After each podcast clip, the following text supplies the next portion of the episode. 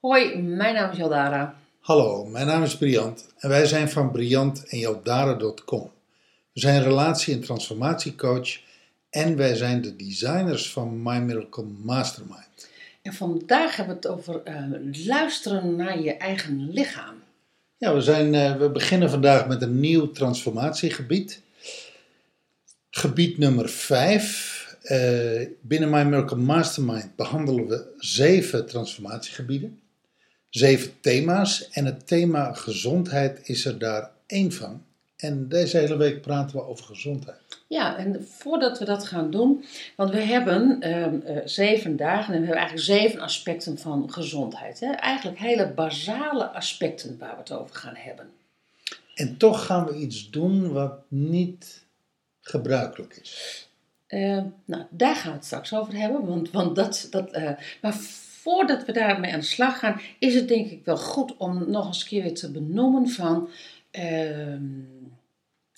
Ehm, als ik het heb over luisteren naar mijn lichaam in het kader van gezondheid en ziekte, dan moet ik gelijk denken aan 40 jaar geleden. Toen was ik doktersassistente. Ehm 45 jaar geleden. Nee, ehm, Dat denk ik. 35 jaar geleden, sorry, 35 jaar geleden. Ehm, en toen werkte ik voor artsen en, ehm, en er was eigenlijk, werd er niet geacht door de patiënt om te luisteren naar zijn eigen lichaam, naar haar eigen lichaam. Ehm, de dokter wist eh, hoe het leven in elkaar zat en de dokter wist ook hoe jouw lijf in elkaar zat.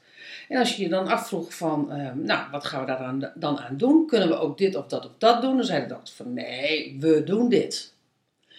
En waarom zeg ik dit? Omdat we eigenlijk dus heel specifiek wel bij gezondheid, dat we uit een context komen wat dus nog maar 40 jaar, wat nog ehm, misschien nog maar 30, misschien 25 jaar geleden is, dat we voor het eerst er een beetje ons eigen lijf en onze eigen gezondheid en daarmee ook onze eigen ziekte serieus zijn gaan nemen als zijnde dat we daar ook zelf iets over te vertellen hebben.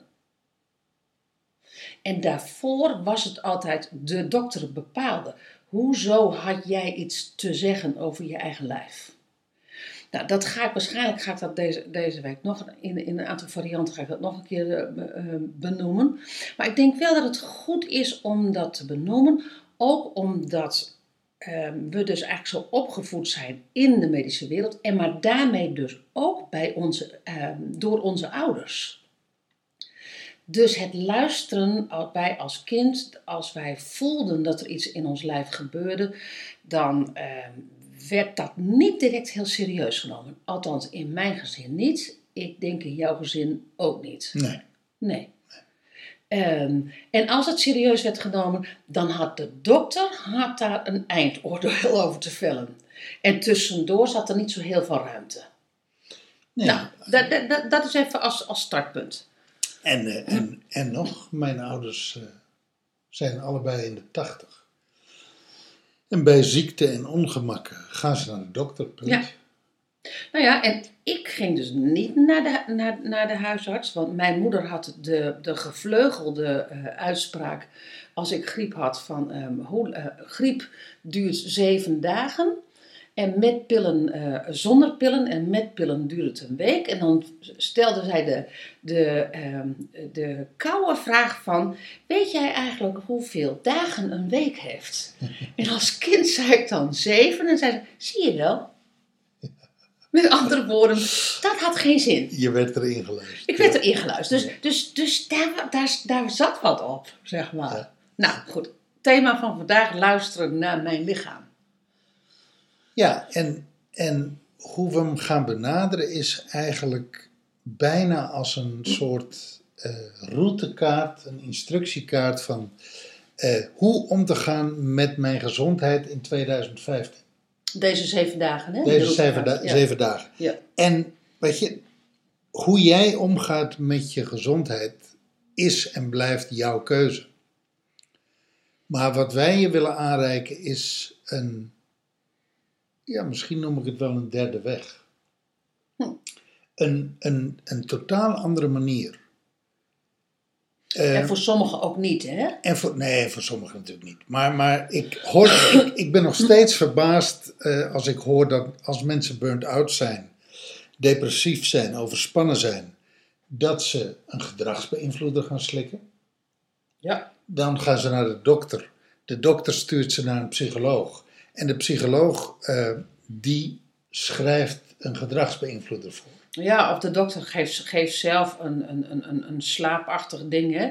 Eh, laatst, bij, eh, laatst in een tele- televisieprogramma op de Nederlandse, bij een van de Nederlandse netten werd gezegd dat, ehm, dat dit een grotere verslavingsproblematiek is dan bijna ieder andere verslavingsproblematiek. Gewoon het voorschrijven van dit soort medicijnen, waar dan ook nog weer contramedicijnen voor worden gegeven, omdat je er misschien iets te hyper van wordt of omdat je er iets dat je er bijverschijnselen van krijgt. Nou, daar kwam het eigenlijk op neer. Nou, weet je wat mij opvalt? De meeste mensen op het moment dat ze een griepje hebben of een, een ongemakje, dan willen ze nog wel doen aan zelfmedicatie. Maar op het moment dat het zogenaamd serieus wordt, dan leggen ze opeens toch hun hele hebben en houden in handen van de dokter en houden ze op actief te luisteren naar hun eigen lichaam.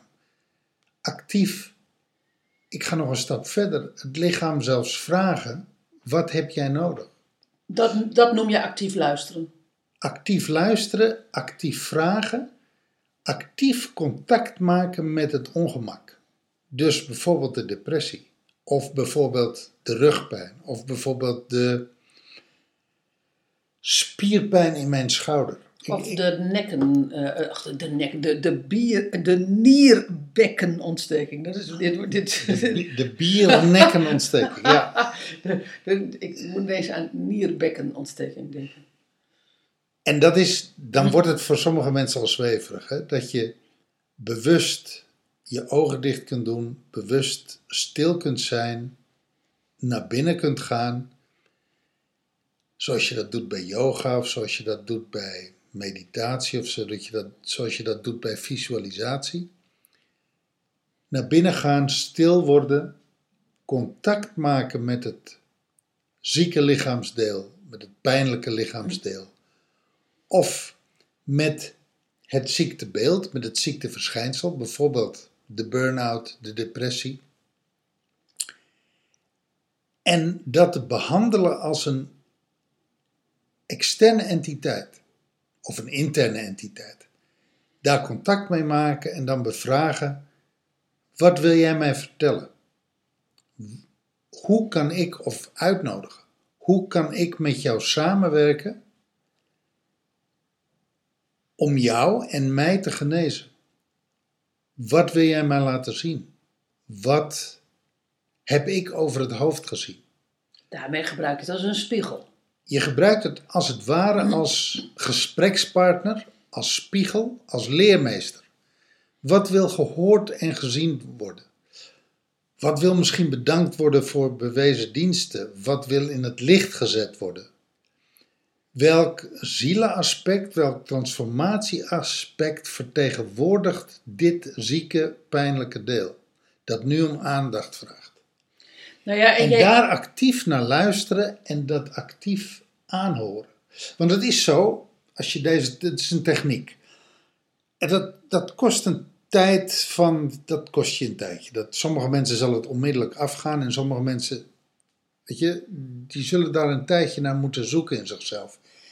En als je daar een beetje cynisch en een beetje spottend tegenover staat, dan ga je misschien helemaal die techniek nooit je eigen maken.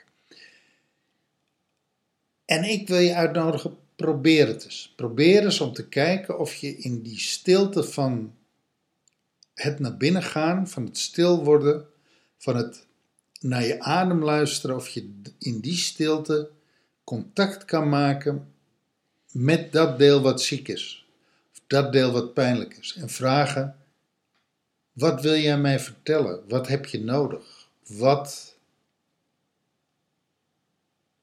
kan ik veranderen? Wat moet ik veranderen? Hoe kunnen wij samenwerken? Dus een partnership aangaan.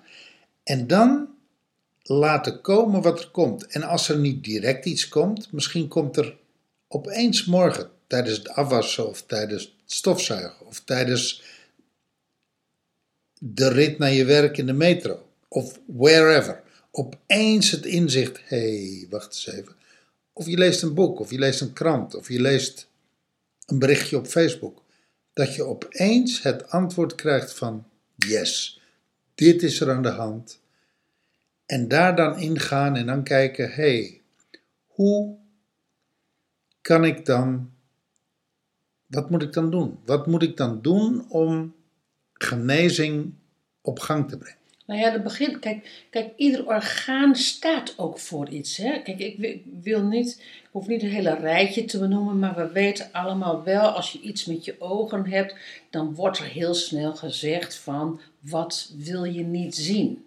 Waar wil je niet naar kijken? Hè? Dat, dat, dat, zijn, dat zijn best twee ondersteunende vragen die, ehm, eh, die eigenlijk iedereen al wel gehoord heeft. Heb je iets aan je oren, zitten ze dicht, kan je zeggen, ja, wat wil je niet horen? Dan kan je zeggen, nou, dat is heel gemakkelijk, maar ga maar eens echt voelen of dat, hè, als je met die zinnen, dan dikke kans dat je daar wel een antwoord op krijgt. Even, als je iets aan je hart hebt, welk hartzeer heb je? Welke hartekreet heb je? Welke, nou weet je, al die uitdrukkingen die er zijn. Dus die emotionele betekenis van organen, die, die, zijn, ehm, die zijn ook wel bekend. Die kan je gewoon googlen.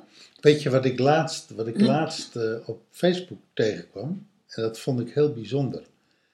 Uh, we kennen allemaal de uitdrukking als je liefdesverdriet hebt. ik, ik heb een gebroken hart. Ja.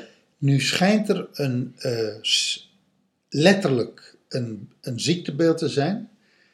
Een of ander syndroom. Waarbij uh, uh, vezels van je hart daadwerkelijk, als het ware, in, vezelstructuur in je hart, als het ware instort en afsterft. En dat noemen ze het gebroken hartsyndroom. Ja. En dat ontstaat heel vaak bij acuut diep verdriet.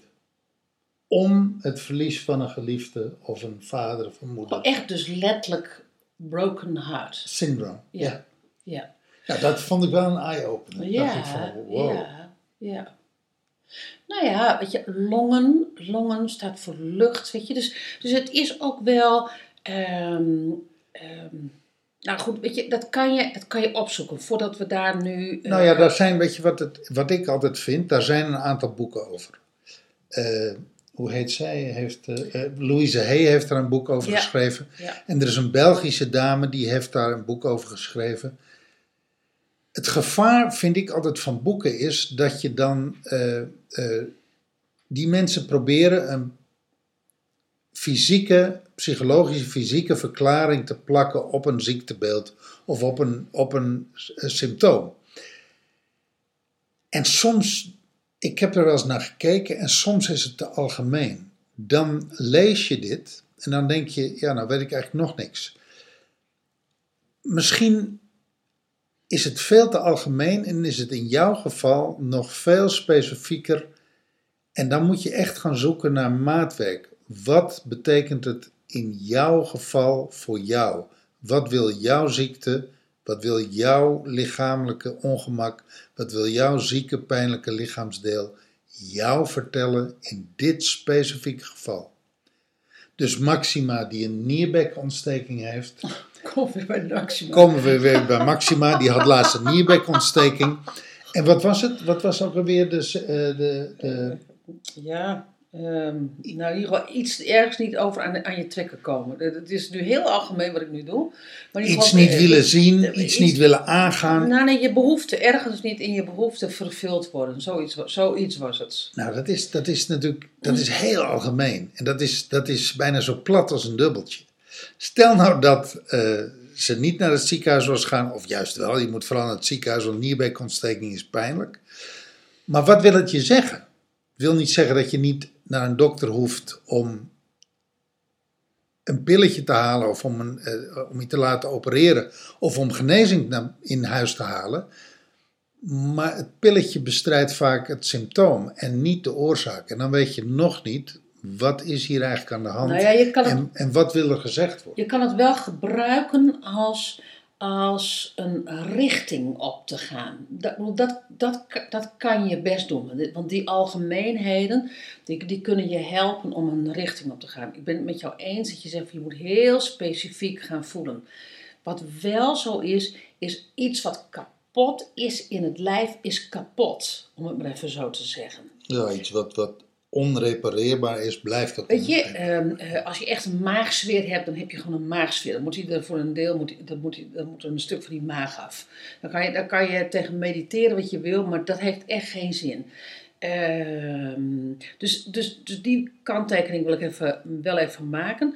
Maar het kan je een richting opbrengen als je zegt van nou weet je, ik weet helemaal niet in welke richting ik moet zoeken. En voor de rest is het, ehm, nou ja, het, het is vriendjes worden met je lijf. Het is vriendjes worden met je lijf en om ehm, in vriendschap met je lijf een dusdanige relatie aan te, eh, aan te eh, knopen dat je kan kijken wat jouw lijf nodig heeft en dat je kan horen wat jouw lijf nodig heeft. En het is voor de meeste van ons onontgonnen gebied. Ja, En niet alleen is het voor de meeste van ons onontgonnen gebied. Het is überhaupt een onontgonnen gebied, überhaupt in, in, weet je, in deze westerse samenleving. nou ja, in, dus in die medische context, dat is ook waarom dat ik daarmee begon. Het is, het, het is eh, in de Nederlandse medische context zijn we niet gewend om naar alternatieven te kijken. Ehm, en we zijn het niet gewend vanuit opvoeding. Dus die routekaart, die zul je echt. Dat is een, dat is een hele. Dat is een heel smal pad. Dat is een pad waarin je echt met vallen en opstaan je eigen route moet uitstippelen en je eigen ontdekkingen moet doen. En dat ook moet willen doen. En eh, ja, dat is een reis op zich. Dus, dus en ieder die die reis eh, aangaat met zichzelf, zal voor een heel groot stuk alleen moeten reizen. Ja, en dan zou ik de, e- de, de, de laatste tip die ik je zou willen geven is: als je inderdaad alleen reist, kijk of je, ehm, of je reisgenoten tegen kan komen die in ieder geval voor je kunnen luisteren. En daar bedoel ik mee eh, mensen die, ehm, eh, die niet jou ter discussie stellen wat je, wat je doet. Misschien wel gewoon op een gezonde manier ondervragen. Maar die met je op reis willen. Die niet voortdurend alles beargumenteren van dat is raar of dat is dit of dat is dat. Eh, nou, dat, dat kan helpen. En soms, en soms ken je ook wel mensen. Die, ehm, eh, nou, zoek ze daarin ook op. En, ehm, nou, kortom, voelen. Stilte, in stilte gaan, voelen, horen en luisteren. En vooral dus serieus nemen. Nou, dat is gelijk de, de, de opdracht. Maak contact met, ehm, met je ontkende delen, met misschien wel je zieke delen. Daar hoef je niet direct heel ernstig ziek voor te zijn, maar we hebben allemaal van die pijntjes en zo. De delen die eigenlijk in jouw lijf om aandacht vragen. Voel ze, luister eh, en hoor wat ze je te vertellen hebben. Nou, Dag 1. dag 1 gaan we morgen verder. Dankjewel voor het luisteren en tot morgen. Hoi. Doeg.